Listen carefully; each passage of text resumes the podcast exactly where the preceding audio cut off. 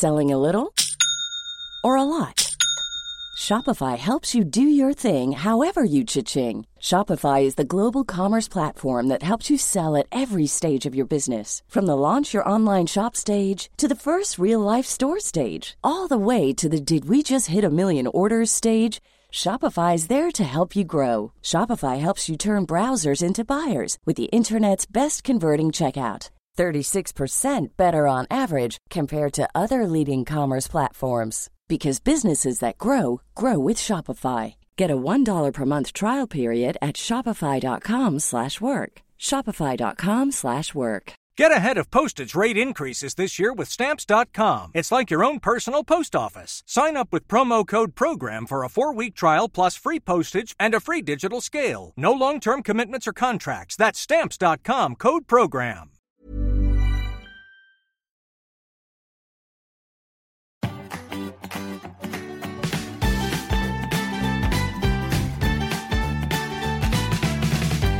Hei og velkommen til en ny episode av Foreldrekoden. Vi har en eh, Facebook-gruppe eh, som er aktiv og fin, og der hadde vi en liten spørreundersøkelse blant eh, medlemmene da, om hva slags tema de ville at vi skulle ta opp av noen alternativer vi ga. Og veldig mange ville ha det som vi lanserte som sunn selvtillit, eller selvfølelse, som vi egentlig har kokt ned til at det er. Det var åpenbart mange opptatt av. Hvorfor tror du det er sånn, eh, Hedvig Montgomery, som sitter her som vanlig? Fordi selvfølelse på mange måter er livsgnisten. Den er den ringen rundt barna som gjør at de kan forsvare seg mot det som ikke er ok, og knytte andre til seg i fine relasjoner. Så selvfølelse er på mange måter grunntema i all barneoppdragelse. Så dette er godt valgt av uh, våre lesere. Veldig bra. Og hørere. Og lyttere. og lyttere. Jeg, uh, for snakke om meg selv litt. Uh, fordi jeg i voksen alder så driver jeg konstant med sånn tilbakeskuende selvransakelse. Jeg var en ganske sånn forsiktig, beskjeden gutt. Jeg tror ikke jeg hadde verdens beste selvfølelse heller. Eh, det kan jeg ikke ha hatt. Eh, og litt fordi at jeg kanskje var litt tjukk. hvordan var det med deg? Kan jeg spørre om det? ja, altså det er et godt spørsmål. Jeg var et veldig merkelig barn på så mange måter, tenker jeg når jeg ser tilbake og litt rotløst barn på så mange måter. Uh, vi flyttet mye. Jeg ser jo åpenbart rar ut. altså hvor, hvor, bra kan det gå med deg når du er sjeløyd, tynn som en strek og har overbitt? Uh, men svaret på det er at det kan jo gå ganske bra. Uh, og det er det som er så fascinerende. Det handler faktisk ingenting om disse ytre tingene. Det handler om relasjoner. Godt. Så bra å høre. Vi ja, jeg var inne på det. Så hva er forskjellen på selvfølelse og selvtillit egentlig? Og hva er det barn trenger? altså Svaret er de trenger jo egentlig begge delene. Men at uh, selvtillit handler om å føle at du får til noen ting, at du er god til noen ting. Dette kan jeg. Det er selvtillitsmantraet. Og du kan ha god selvtillit på noen områder og dårlig selvtillit på andre områder med god eller dårlig grunn. Det handler rett og slett om hva du kan, og hva slags ambisjoner du har. Så i gamle dager så sa vi at selvtillit det var eh, rett og slett bare et regnestykke. Det var suksess delt på ambisjon. Så det var jo to måter å øke selvtilliten på et barn. Det var enten å øke suksessen eller å senke ambisjonen. Eh, men det å hjelpe barn til å mestre, spesielt når du kommer opp i aldersgruppen 7 til 12, eh, det betyr mye. Det å kjenne at vet du, jeg har knokket den koden, jeg har fått til det også. Den selvtilliten trenger de mer og mer av etter hvert. Og du ser den også herligheten. Et barn som har uh, fått til å sparke på sparkesykkel som fire og et halvt-åring, føler seg jo som konge. Så selvtillit er ikke uvesentlig. Det er bare at det er akkurat det det er. Det er tillit på at jeg får til denne tingen. Selvfølelse handler om noe annet. Selvfølelse handler om en opplevelse av at sånn er jeg, og sånn går det an å være. Eh, det er å kjenne seg selv på godt og vondt og vite hvordan jeg skal bruke det ut i verden. Så selvfølelse er mye mer et grunntema eh, om å være. Så selvfølelsen vår, som er denne her hvor, eh, hvor, skjør er du? Hvor lett føler du deg truffet når noen kommer med en kommentar?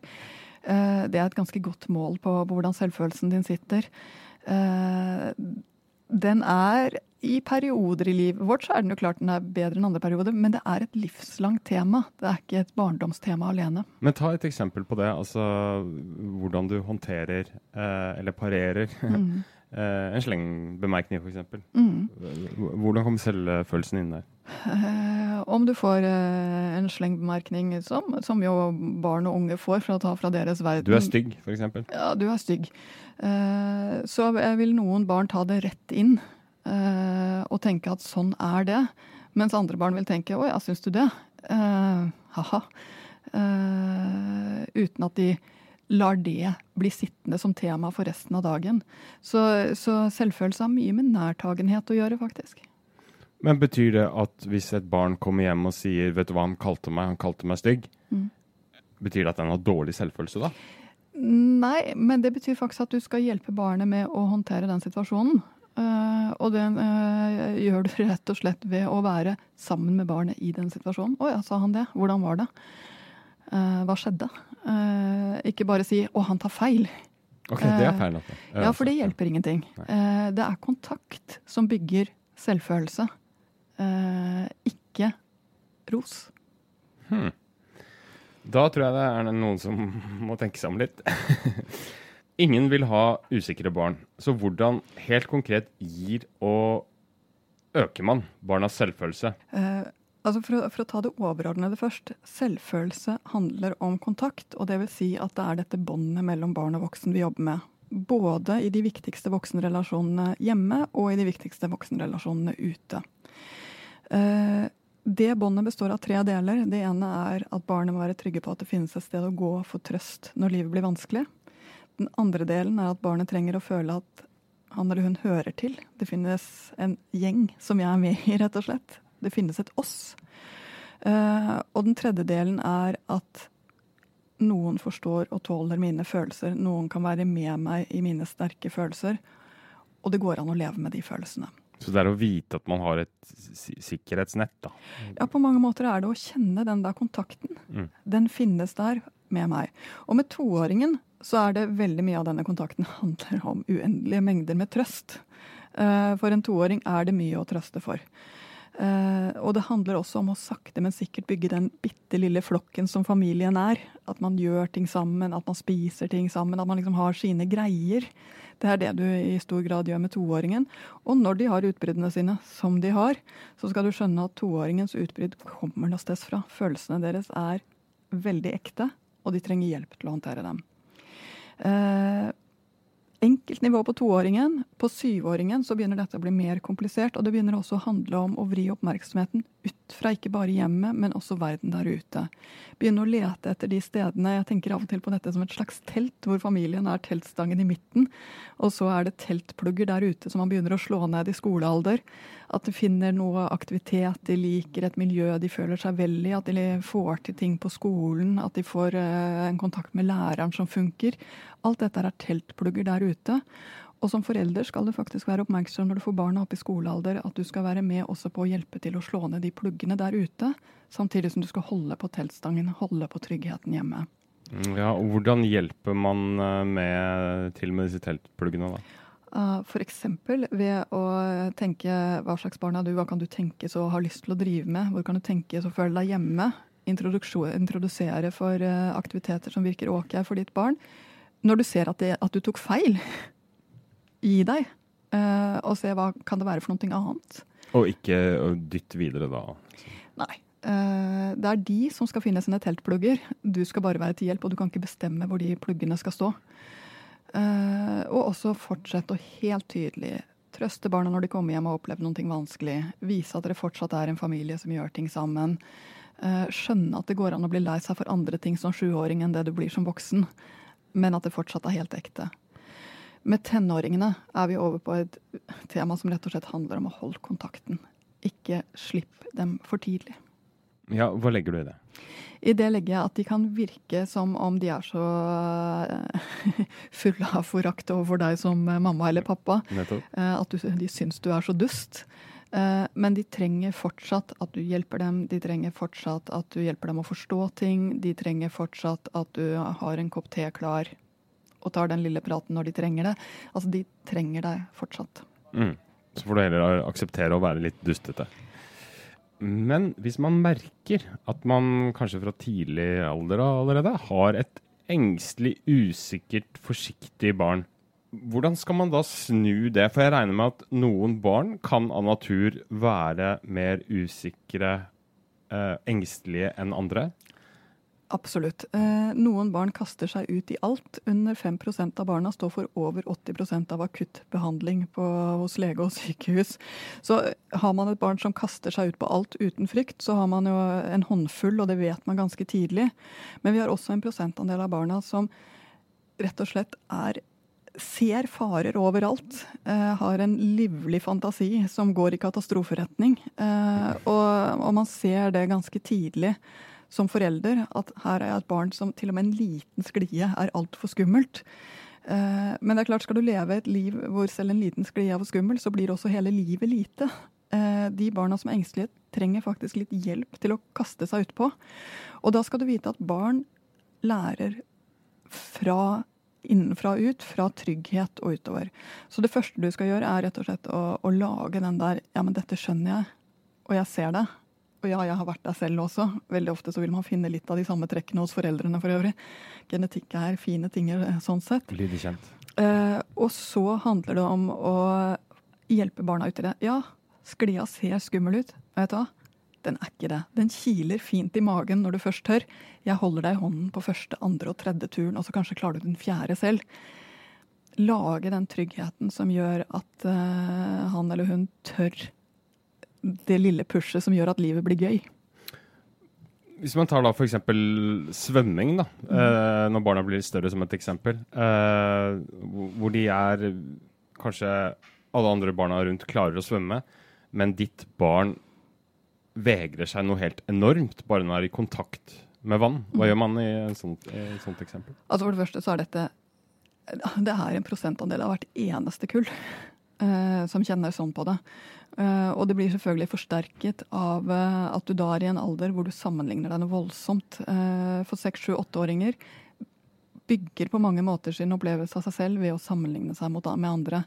Så dette gjør det jo enda sterkere. men for det første når det gjelder dette, begynn tidlig. Det er lettere å begynne med, med fire-femåringen enn syv-åtteåringen. for det andre, finn er det vanskelig. Finn en trygg instruktør. Det er helt utrolig hva andre kan få til som du selv ikke får til. Og for det tredje, begynner de små. Vet du hva? Vi går først ned og, og, og, plasker og leker. Det skal være gøy. Barn lærer fra gøy og utover. Eh, og kaster dem uti på dypt vann og sier det kommer til å gå bra, og attpåtil i kaldt vann, eh, tar det lang tid å komme seg over. Mm. Hvordan kan man som forelder sørge for at barnet blir likt av andre. Fordi det man jo kanskje er aller mest redd for, er utenforskap. Ja, eh, jeg tror at det er ingenting som foreldre er så redde for i våre dager som at barna deres ikke skal ha venner.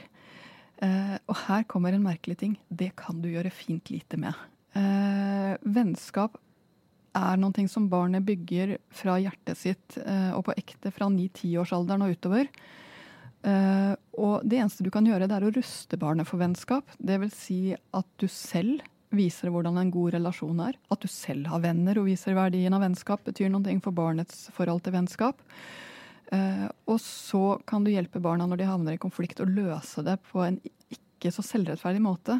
Ja, så krangla dere om det. Av og til krangler man om det, og du har sikkert litt rett, og han har litt rett se om det ikke går bedre når dere snakker sammen i morgen. Rett og slett hjelpe dem med den der sosiale prosessen som de er nybegynnere på. Men du kan ikke tvinge et barn til vennskap. Men hva hvis du ser f.eks. at uh, uh, i en bursdag uh, alle barna leker sammen, unntatt ditt barn, som bare vil holde på for seg selv med en bil? Å oh ja. Og i fireårsalderen er dette kjempevanlig. Eh, det er så mange tre-fireåringer, femåringer også, som, som, gruer seg til bursdager. Som syns det er altfor mye, det er støy, det er ukontrollert. Og de har jo på en måte rett også, for øvrig. Eh, så det er ganske vanlig. Og da er det lett som foreldre å skamme seg. Rett og slett føle at man har gjort noe gærent, siden mitt barn ikke kaster seg ut og surfer på bursdagsbølgen. Uh, men nei, da har du et barn som faktisk eh, trenger å være med litt. Må få lov til å henge i den der ytterkanten. Eh, og så gå hjem og hatt en helt ålreit opplevelse med det. Men dette er slike ting som endrer seg mye fremover. Så dette tror jeg du skal håndtere med en ganske stor ro. Når barna blir litt større, og, og du ser at han eller hun føler seg ensom i klassen, føler seg ensom i verden, det viktigste er faktisk at du fortsetter å være med barnet ditt, at du tåler dette. Og ikke påfører ytterligere skam og sier 'men skal du ikke invitere noen'? Jeg kan invitere noen. Eh, det hjelper i hvert fall ikke barnet. Eh, se også om det finnes andre miljøer hvor hun kan tenkes å passe bedre, hvor hun kan tenkes å trives bedre. Vær litt nysgjerrig på de teltpluggene der ute.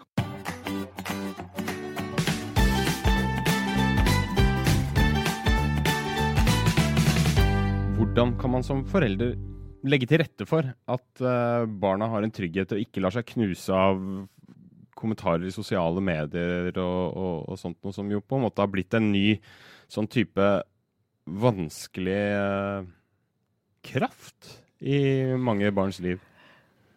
Altså, nå må jeg si at det har alltid vært vanskelig å finne sin egen sosiale vei. Uh, dette har vært et stort tema for 10-, 11-, 12-, 13-, 14-åringen. Alltid. Og jeg tror nok alltid det kommer til å være sånn. Eh, Internett har gitt oss en ny arena, og også en litt unødvendig stor arena for disse barna å øve seg på. Eh, å begynne å øve seg med 480 venner istedenfor å øve seg med de fire eller fem er veldig veldig slitsomt. Så det er, jo, det er, jo, litt der som problemet ligger med de nye sosiale mediene. Men som foreldre er det akkurat det samme vi skal gjøre som før. Vi skal holde på kontakten med vårt eget barn. Vi skal vise at de hører til, vi skal vise at vi forstår dem og rommer dem, at vi er der for dem. Det jeg lurer litt på, er eh, Nå skal jeg komme med en liten eh, lekmanns samfunnsanalyse. At barn og unge i dag står i en spagat på den ene siden selvhevdelse med litt sånn islett av narsissisme, og på den andre siden et dårlig selvbilde. Uh, du var litt inne på hva, hva, gjør egentlig sosiale medier med selvfølelsen, og hvordan var den analysen, forresten? Uh, hva sosiale medier gjør med selvfølelsen Jeg må si I første rekke så er det vanskelige med den er at det er en altfor stor arena for dem til å øve seg på, og de trenger å øve seg i mange år. Eh, det andre er at de føler at de er alene på den fordi de voksne ikke følger med og forstår hva som skjer der. Så det viktigste vi som voksne kan gjøre der, er å være mer interessert i barnas liv. Også det som skjer på nett. Eh, det har vært noen årene hvor de voksne har vært så opptatt av at alt det som skjer på nett er galt. At de har glemt nysgjerrigheten og interessen for det som skjer der. Og dermed har vi dyttet barna ut i å være ensomme i å møte disse problemene, istedenfor å, å vise at vi er med dem i det. Uh, om analysen din er riktig? Ja, jeg tror nok at det er riktig. Du vil ha mange amerikanske forskere på din side her. For det de sier, det er at eh, etter krigen, når selvtillit kom som begrep, så moderne er faktisk det begrepet. Uh, og vi fikk mantraet 'alle barn trenger å føle at de er gode i noe'. Uh, og man fikk veldig vekt på at barna må føle mestring. Så viser det seg jo at barna, akkurat som voksne, de aller fleste er midt på treet. Så har vi rett og slett spent buen for hardt. Uh, vi forteller barna at det er viktig at de får til, vi roser dem når de får til, så vil de aller fleste ende ut midt på treet. Uh, og noen vil være dårlige, og noen vil være flinke. Uavhengig av hva vi gjør for noen ting. Så dermed har vi på mange måter laget eh, tapere, og vi har laget barn som føler at de ikke er bra nok. Ut ifra de beste intensjoner, nemlig at de skal føle seg bra nok. Så selvtillitskulturen uh, har, har laget barn som føler at de ikke er bra nok, selv når de er helt objektivt aldeles nydelige og absolutt tjenlige samfunnsborgere. Så ved vårt håp om å få flere til å føle at wow, jeg er flink, så har vi fått uh, som man kan få hypnotisere enhver femåring til å tro. Men som åtteåring så, så begynner de faktisk å sammenligne seg og skjønne at uh, ja ja, ganske. og da er plutselig det ikke bra nok. Så dette er jo grunnen til at uh, vi skal være varsomme med å pumpe opp forventningen til verdensmesterskap og, og eneprestasjoner. Barn trenger å være i gruppe, tre, barn trenger å prestere i gruppe.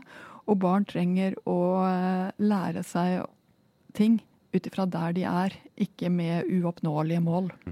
Så er det jo ikke akkurat sånn at alle foreldre nødvendigvis går rundt med verdens største selvfølelse selv. Eh, hva gjør man som forelder når man på en måte selv er litt usikker da, på, ja, på seg sjæl og på hvor man står hen, og, og, kan la seg påvirke av slengbemerkninger selv, mm. uh, f.eks. Absolutt. Uh, og dette er jo litt arvesynsproblematikk. Uh, vi kommer jo noe sted fra selv, uh, og vi tar lett med oss vår egen usikkerhet inn i neste generasjon. Uh, jeg tenker omtrent slik på det at hver eneste foreldregenerasjon har muligheten til å gjøre det litt bedre enn forrige, men da trenger vi hjelp. Eh, det du kan gjøre selv, er å søke de egne trygge, trygge relasjonene. Søke sparringspartnere for å snakke om dette her. Strekke deg etter å forstå deg selv bedre. For det interessante er at selvfølelse og selvforståelse henger sammen. Eh, så snakk med venner, vær litt mer åpen. Eh, søk veiledning. Skriv ned Altså det, Penn og papir er fortsatt fattigmannsterapi som slår mye av det vi betaler for. eh, jobb med å kjenne at ja, vet du hva, det er faktisk sånn jeg er, og det må jeg bare akseptere.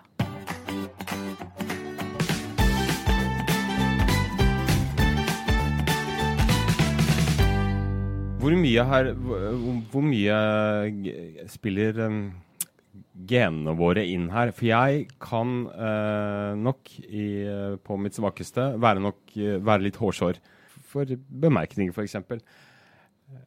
Er dette noe som jeg kan på, pådra avkommet også, eller? Altså, må jeg for det første si alle mennesker har én ting til felles, og det er at de håndterer kritikk dårlig. Eh, så jeg, tror at du her er godt innafor. Eh, men ja, altså personlighetstrekk, eh, som jo også er det vi snakker om nå, er i hvert fall til en fjerdedel eh, forklart genetisk. Så, og for noen av trekkene mer. Så det er helt klart at hva du kommer inn med i denne verden, og hva du har å spille på, er viktig. Men det er også det som er litt familiens oppgave. Det er å se hva slags barn har vi fått, og hvordan skal vi hjelpe ham eller henne. Det å leve med det barnet man har fått, og det er jo fascinerende også når man får flere, man ser hvor forskjellige de blir, så skjønner du også hvor mye denne genetikken spiller inn. Men hvert eneste barn trenger å få knukket sin kode, og hvert eneste barn trenger å finne sin balanse her i livet. Og trenger å kjenne at det finnes plass for en sånn som meg. Og det er selvfølelsens mantra. Ja, Vi har snakket om uh, hva som bygger barnas selvfølelse her, men, men hva er det som skader barnas selvfølelse? Det som skader barnas selvfølelse, er det som skader kontakten med barnet. Det vil si at det å bli utsatt for uh, å bli slått, uh, holdt uh, Rett og slett utrygg fysisk med sine aller nærmeste. Det å bli fortalt at du ikke er bra nok, at du er helt feil, at du ikke får til noen ting. Rett og slett den der psykiske nedtrykkingen. Så klart. Eh, og selvsagt også seksuelle overgrep. Så de store skadene her er også de store skadene på relasjon. Hvis jeg blir litt brå og kjeftete når sønnen min kjører en bil over laptop-tastaturet, er det innafor? Jeg må jo bare si at eh, det er vel vanskelig å unngå den der der. Eh, men det er forskjell på å si ærlig talt kan ikke kjøre bil over tastaturet. Uh, og si at han er ubrukelig og at han ødelegger alt som er, og at du skulle ønske at han ikke fantes. Så det er noe med å huske på gradsforskjellene her. Da tror jeg jeg er innafor. Ja. Vi har kommet dit at vi skal runde av dagens episode.